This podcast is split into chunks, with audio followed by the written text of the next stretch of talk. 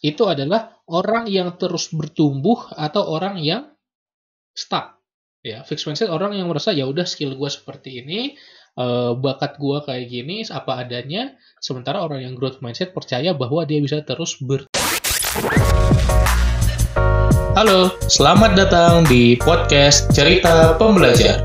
Kamu akan mendengarkan cerita mengenai pengalaman, gagasan, dan pembelajaran.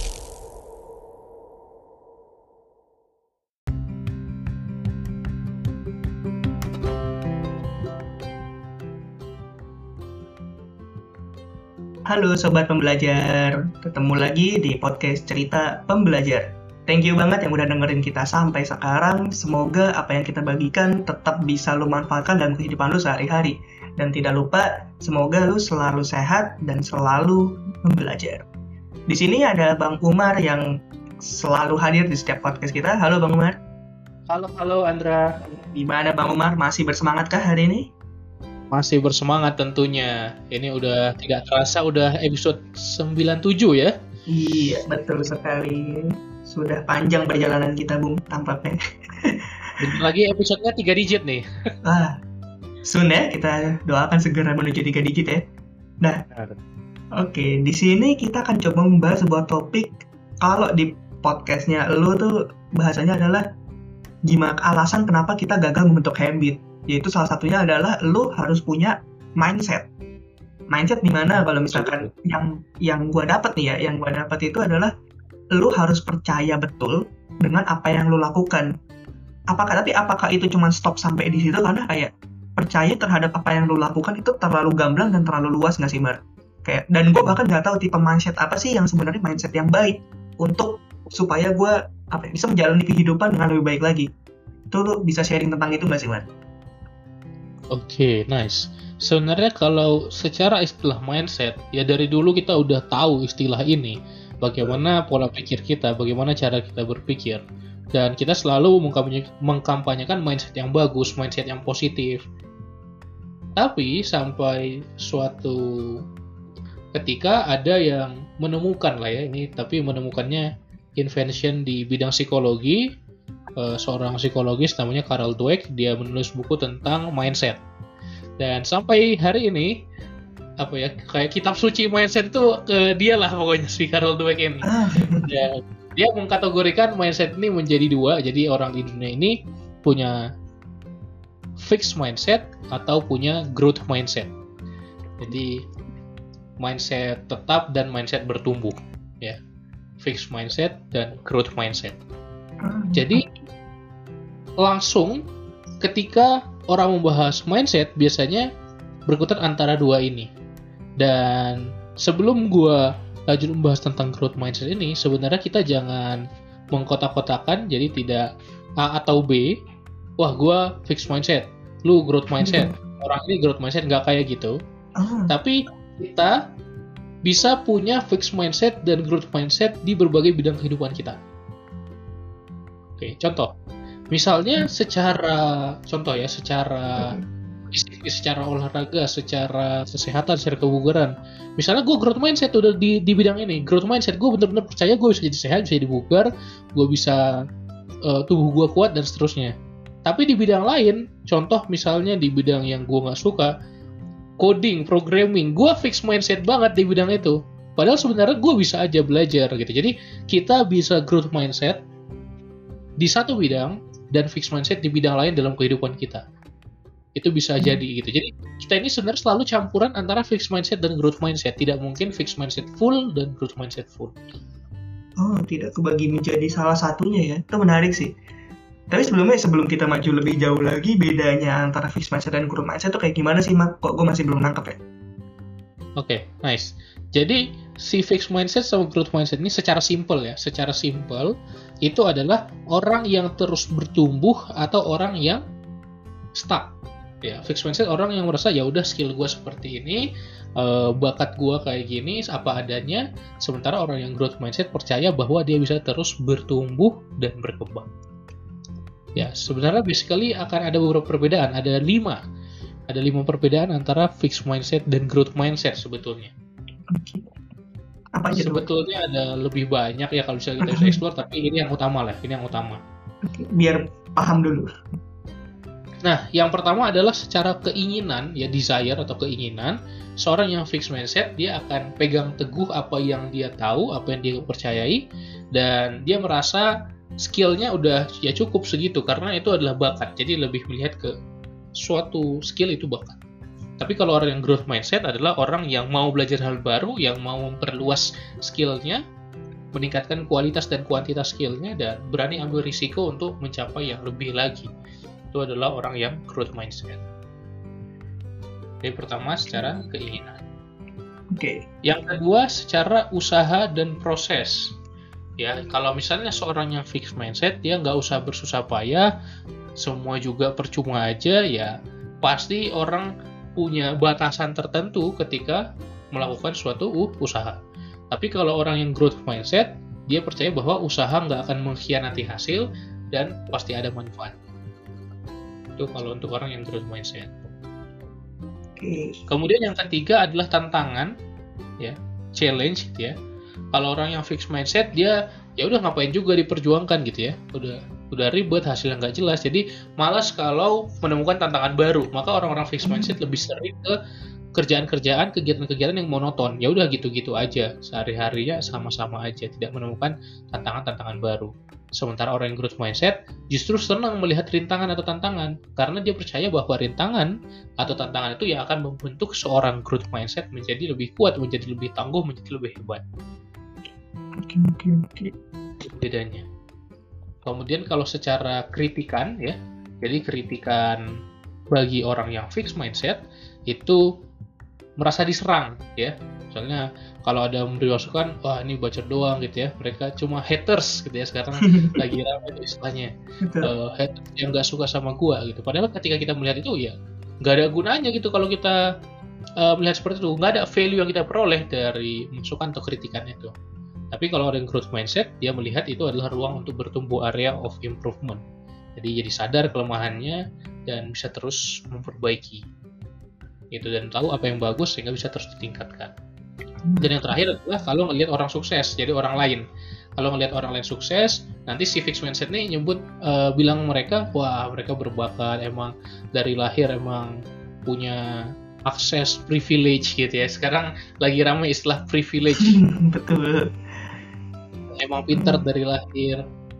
Dan orang growth mindset mencari tahu gitu ya gimana cara mereka melakukannya jadi mau pelajari langkah-langkah apa yang ditempuh supaya dia bisa ikutan juga. Jadi bukan hanya memberikan komen doang gitu tapi ikut action.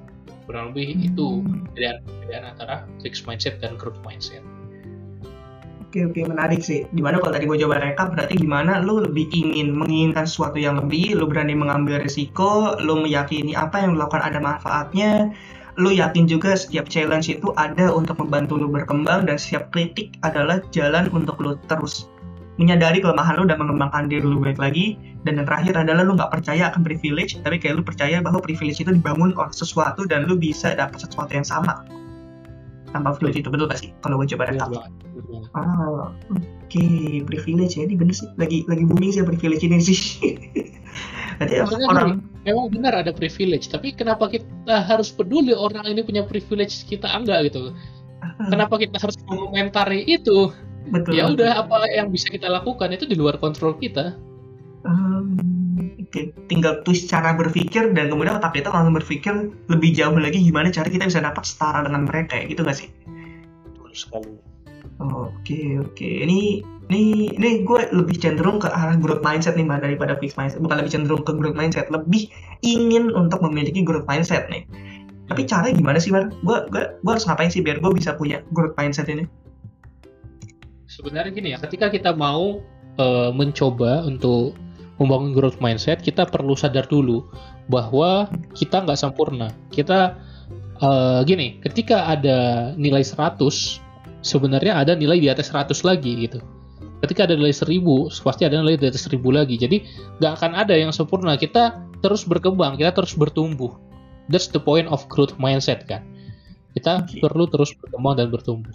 Maka jangan sembunyi dari kelemahan kita karena kelemahan kita itu ada pokoknya adalah kita sadari kelemahan kita dan mulai perbaiki kita cuma bisa mengupgrade diri kita kalau kita sadar diri. Kita cuma bisa memperbaiki kelemahan kita kalau kita sadar akan kelemahan-kelemahan kita. Jadi hmm. kita coba biasakan untuk menerima aja ya gue emang lagi cupu di bidang ini gitu. Makanya gue hmm. belajar. Lebih baik kita merasa bodoh daripada merasa pintar kan? Benar okay, okay. Betul, betul. Merasa bodoh akan membuat kita terus belajar, merasa pintar akan membuat kita berhenti belajar. Hmm, iya iya iya. iya sama kayak tadi masalah privilege ya itu terima aja kita nggak punya privilege kemudian ya kita coba untuk memperbaiki sesuatu yang kita nggak punya itu betul nggak sih Mer? Betul. Okay. Seringkali kalau kita nggak menerima jadinya kita denial kan akhirnya. Iya betul. Dengan kondisi yang ada sekarang. Hmm. Okay. Nah setelah itu baru kita mulai uh, mengganti cara kita memandang keseharian kita dimulai dari the power of words gitu ya. Anthony Robbins sering cerita nih the power of words, kekuatan kata. Jadi kita disiplin kata dengan mengganti kosakata kosakata kita. Jadi kalau gue sering kali yang contoh yang sering kali gue sampaikan adalah mengganti kata gagal dan kata kalah. Jadi huh? kalau misalnya dicoba di kamus kita, di kamus dalam diri kita kita hapus kata gagal, kata kalah gitu. Di berhasil atau belajar, menang atau berkembang jadi kita hapus tuh kata gagal, kata kalah. Oh. Okay. Itu akan berarti bagaimana cara kita berpikir gitu. Jadi ya kita nggak takut nyoba gitu, karena kemungkinan cuma dua berhasil atau kita belajar menang atau kita berkembang. Kita akan mau take action, kita akan mau coba, kita mau akan mau belajar gitu. Hmm. Berarti nextnya kalau kita main games nih kita jangan sebut kita kalah ya. Wah sorry bro, kita lagi belajar, lagi belajar aja, jadi nggak kalah kita gitu ya. Benar ya kalau lu main game sebenarnya akan dapat insight-insight baru dari setiap pertandingan dari setiap match iya gitu. sih kalau iya lu kalau dalam tanda kutip kalah di match kali ini lu akan paham oh buildnya yang benar nggak gini hmm. cara gue counter harusnya seperti ini atau strategi gue di mid game ternyata kurang ada yang bisa diperbaiki. Nah, Betul lebih paham lah tentunya. Betul juga. Bisa, bisa, bisa. Bisa kita lanjut dulu aja, Mas. Lanjut dulu. Oke. Okay. Nah, kemudian kita perlu value proses gitu ya. Semua orang sering cerita bahwa lebih penting proses daripada hasil dan ini terkonfirm ya di growth mindset benar kita uh, harus menghargai proses yang kita lakukan gitu karena di proses itulah kita bertumbuh dan belajar itu maka ketika kita menghargai proses kita akhirnya akan menceritakan progres. Nah menarik ini. Ketika kita menghargai proses maka kita akan menceritakan progres. Jadi biasanya kan kita menceritakan hal yang kita sukai. Seringkali kita cerita wah gue mau bikin ini gue mau bikin itu. Bagus itu visioner gitu. Tapi apakah lu udah bikin itu That's the point gitu. Jadi kita ceritakan, oke okay, kalau lu mau bikin itu, sekarang gue sedang melakukan X. Contoh, gue pengen bikin platform pembelajaran untuk self development. Sekarang gue sedang membangun branding terlebih dahulu. Sekarang gue sedang membangun fondasinya terlebih dahulu dengan bikin konten konten self development supaya orang aware. Hmm. Ya, walaupun kita punya visi ke depan seperti apa, progresnya apa? Ya, okay. progresnya apa? Kita mau jago wah gue pingin banget. Bisa ngomong Korea bisa nonton drakor tanpa subtitle. Bukan itu bukan hanya yang lu pengen gitu. Karena kalau lu pengen tapi lu nggak berkembang ya lu fix mindset pada akhirnya. Tapi lu cerita hmm. wah iya gue sekarang lagi belajar bahasa Korea di aplikasi ini. Atau gue sudah les bahasa Korea dan itu akan menjadi hal yang sehari-hari lu ceritakan sehingga hari-hari lu diisi dengan progres caranya apa hargai proses lalu lu bisa ceritakan progres Oh, oke. Okay. Menarik sih. Jadi kayak lu twist pandangan lu dari yang awal lu berpikir terhadap sebuah visi, tapi lu sekarang lebih berpikir terhadap uh, misi setiap harinya yang lu jalanin gitu gak sih? Betul, betul. Oke, okay, oke. Okay. Oke, okay, baru empat nih, Mar. Uh, oh, ada ini lagi. Kita bisa cerdas, kita harus cerdas menerima masukan. Ya. Kayak kritik Jadi, tadi ya? Ketika tadi ada kritik gitu ya kritik itu kan biasanya ada yang positif ada yang negatif ya nggak? Oke. Okay. jadi kita uh, selalu pandang masukan positif itu bermanfaat masukan negatif itu juga bermanfaat. Meskipun bentuknya terkadang agak pedas terkadang agak sulit diterima tapi kita perlu uh, cari terus feedback itu ya. Feedback itu kan bisa positif dan bisa negatif. Poinnya gini ketika kita diberikan masukan positif kita nggak bangga gitu atau kita oh, merasa hebat jangan gitu dan ketika kita diberikan masukan negatif kita nggak merasa terlalu rendah merasa tidak memiliki value insecure dan seterusnya intinya kita tidak jatuh karena hinaan tapi tidak terbang juga karena pujian Oh, oke oke oke. Gitu. Tidak jatuh karena hinaan, tidak terbang karena pujian. Karena biasanya ketika kita mulai di atas, kita nggak bisa naik lagi karena apa? Karena ada barrier, kita udah merasa tinggi gitu loh. Hmm. Itu menarik sih. Yang tidak jatuh karena hinaan tuh emang sebuah hal yang harusnya udah banyak yang sadar ya, tapi tidak terbang karena pujian dikit nih mereka yang sadar nih. Jangan ngefly dulu kalau dipuji, tapi kayak lo tetap ya benar sih kalau emang kita udah telanjur tinggi ya kita cenderung tidak melihat lagi untuk mempelajari lagi hal-hal yang tadinya kita kuasai itu. Terus. Hmm. Karena seorang growth mindset tidak melihat adanya atap. Ah. Tidak melihat hanya, hanya ada langit. Jadi ketika kita udah tinggi, ya kita bisa naik lagi, kita bisa naik lagi, bisa naik lagi. Gitu. Jadi Oke. growth mindset itu tidak ada atap, hanya ada langit gitu ya. Karena ada langit ada langit. Jadi kita bisa naik terus, naik terus, naik terus, naik terus. Itu makanya lebih baik merasa bodoh daripada merasa pintar. Betul betul betul betul. Oke, Itu. udah itu aja kah KBD mal? Atau masih ada lagi? Terakhir ya, terakhir satu Oh, lagi. terakhir. Oke.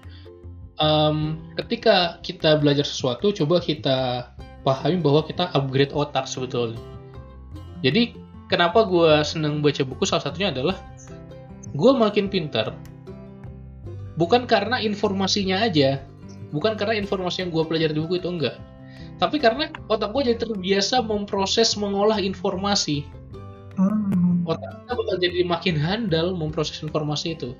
Jadi makin lama lebih, lebih mudah bertumbuh, akhirnya kita bisa connecting the dots, kita bisa connecting satu ini dengan hal yang lain gitu, karena kita terbiasa untuk berpikir.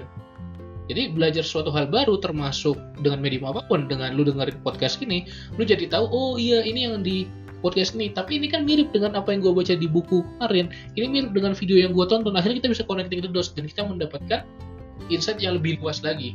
Bener kan? Kita dengan insight yang lebih luas lagi. Sama, kalau mesin nggak sering digunakan, akhirnya kan berkarat, bakal lemot gitu kan. Betul betul. akhirnya kita harus servis dulu. Nah maka kalau mesin sering digunakan dia jadi handal gitu ya terbiasa untuk kita gunakan. Otak kita juga harus sering kita gunakan. Dengan cara apa? Dengan cara terus belajar. Selain kita bertumbuh dan berkembang dengan informasi baru yang masuk ke dalam otak kita tapi kita juga membuat otak kita lebih handal dalam bekerja. Jadi kita mengupgrade kualitas kemampuan otak kita. Sederhananya kita upgrade RAM lah atau tingkatan Oh, programnya dalam pikiran kita gitu Hmm, Oke, ini nggak bohong sih buat lo yang lagi dengerin. Jujur, ini sebenarnya kontennya padat banget. Jadi gue saranin take a notes, siapin catatan, replay ulang apa yang udah disampaikan, dan lu catat per poin-poinnya, dan lu bakal dapet sebenarnya insight per poinnya tuh apa sih. Di sini habit yang disampaikan Bang Umar nih banyak banget. Ada 6 habit tadi gue coba rangkum. Dan kalau misalkan gue coba rekap lagi, ini poin ini yang eh, penting untuk lu notes ya. Untuk lu yang lagi dengerin. Pertama lu mesti terima ketidaksempurnaan lu. Tadi bang Umar udah jelasin kenapa bisa dicek lagi. Kemudian yang kedua mengganti kosakata garis besarnya adalah gagal dan kalah itu harus lu ganti menjadi belajar berkembang belajar dan berkembang sorry. Kemudian yang ketiga untuk masalah proses lu harus lebih menghargai eh, dibanding dengan goals lu. Jadi kayak daripada lu daripada lu fokus kepada visi lu bisa sesuatu tapi lu hargai progres lu setiap mencap untuk mencapai visi itu dan kemudian lu ceritakan progres itu ketika ada kesempatan sehingga lu yakin bahwa lu tuh lagi menjalani progres itu. Lu tuh lagi menjalani sebuah proses yang nantinya akan sampai ke tujuan akhir. Kemudian yang kelima lu mesti cerdas dalam menerima masukan. Itu il- ilmu yang umum di mana kita tidak jatuh ketika dihina tapi juga kita tidak boleh terlalu terbang untuk ketika kita mendapat pujian karena tadi disampaikan growth mindset ini tidak punya langit jadi kita harus tetap uh, humble dan tetap percaya bahwa kita harus selalu belajar.